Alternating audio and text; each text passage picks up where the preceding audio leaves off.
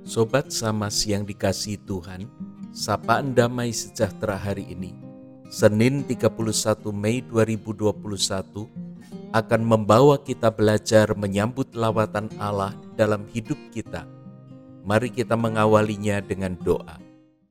Bapa, kami mengundang Roh Kudus untuk membuka pemahaman dan kesediaan kami, agar dapat mengenali dan menyambut lawatan Allah dalam hidup kami dalam Kristus kami memohon. Amin. Bacaan hari ini terambil dari Lukas 1 ayat 39 sampai 45. Demikian firman Tuhan. Beberapa waktu kemudian berangkatlah Maria dan langsung berjalan ke pegunungan menuju sebuah kota di Yehuda. Di situ ia masuk ke rumah Sakaria dan memberi salam kepada Elizabeth. Dan ketika Elizabeth mendengar salam Maria, melonjaklah anak yang di dalam rahimnya, dan Elizabeth pun penuh dengan Roh Kudus.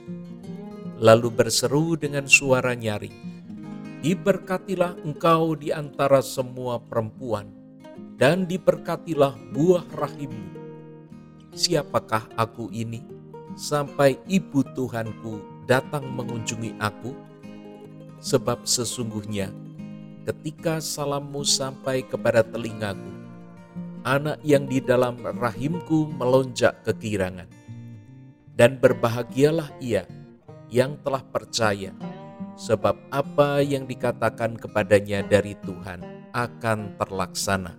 Demikian firman Tuhan yang berbahagia adalah setiap kita yang menerima firman Tuhan dan melakukannya dalam kehidupan. Sobat Samas, perikop sebelum bacaan kita ini menunjukkan lawatan Allah melalui malaikatnya. Maria mengalami lawatan Allah dengan kehadiran malaikat. Ada dua hal penting yang disampaikan oleh malaikat, yaitu yang pertama, Maria akan mengandung dan melahirkan Yesus Sang Mesias. Yang kedua, Elizabeth sanaknya juga sedang hamil. Perkataan malaikat ini membangkitkan ikatan perasaan yang kuat dalam diri Maria kepada Elizabeth. Dia bersuka cita dan dengan antusias ia mengunjungi Elizabeth yang tinggal di luar kota. Sesampainya Maria di rumah Elizabeth, ia menyampaikan salam. Tiba-tiba melonjaklah anak dalam rahim Elizabeth. Respon sukacita Elizabeth ini membuatnya mengalami lawatan Roh Kudus. Ada tiga hal yang menarik yang diungkapkan Elizabeth. Yang pertama, pengakuan Elizabeth bahwa Maria adalah wanita yang diberkati. Demikian pula anak yang dikandungnya. Dalam ayat 42 terjemahan bahasa Indonesia sehari-hari, Elizabeth berkata, Engkaulah yang paling diberkati di antara semua wanita. Diberkatilah anak yang akan kau lahirkan itu. Roh Kudus membuat Elizabeth memahami bahwa kehamilan Maria adalah karya ajaib Allah. Dia tidak sekadar melihat Maria sebagai sepupunya, namun dia percaya bahwa Maria adalah wanita yang dipilih Allah untuk rencananya yang ajaib. Yang kedua, Elizabeth menyebut anak yang dikandung Maria sebagai Tuhan, Kyrios. Sebuah pengakuan yang diberikan kepada Mesias. Ayat 43 mencatat perkataan Elizabeth, Siapakah aku ini sampai ibu Tuhanku datang mengunjungi aku. Kalimat ini merupakan ungkapan kerendahan hati Elizabeth yang disertai rasa syukur karena sesungguhnya ia merasa tidak layak. Namun mendapat anugerah Tuhan melalui kunjungan itu. Elizabeth menaruh hormat kepada Maria sehingga dia pun bersyukur atas kunjungan itu.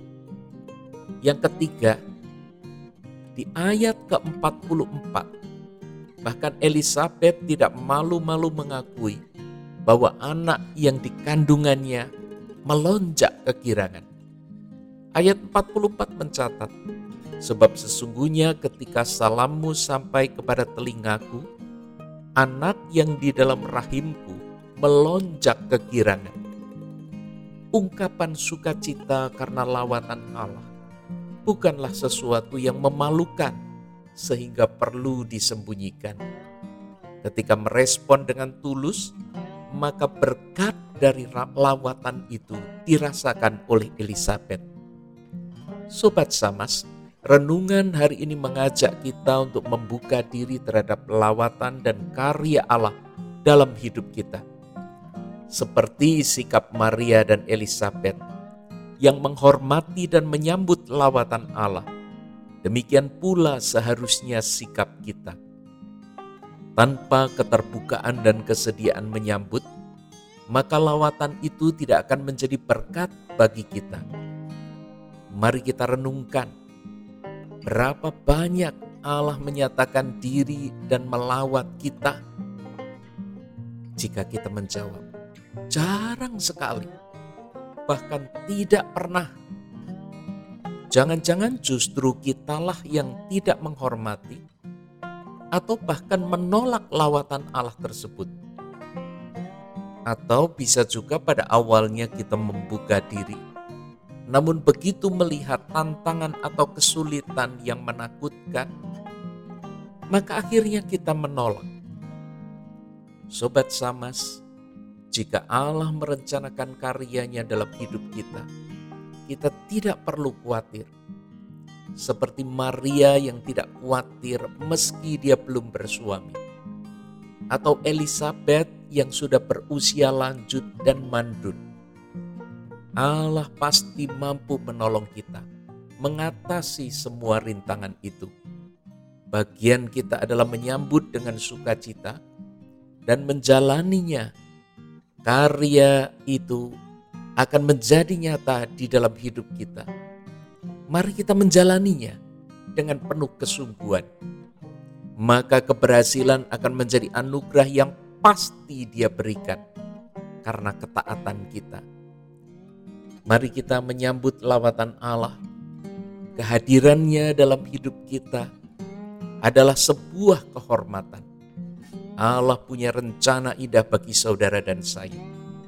Mari kita membuka diri Biarkan Roh Kudus menjelaskan karyanya dan lakukan bagian saudara dengan penuh keyakinan. Rencananya tak pernah gagal, maka dia pasti mampu membuat Anda berhasil. Mari kita berdoa. Bapa, kami ingin segera menyambut lawatan Allah. Bangkitkan sukacita kami dan buat kami mengerti karya besarmu.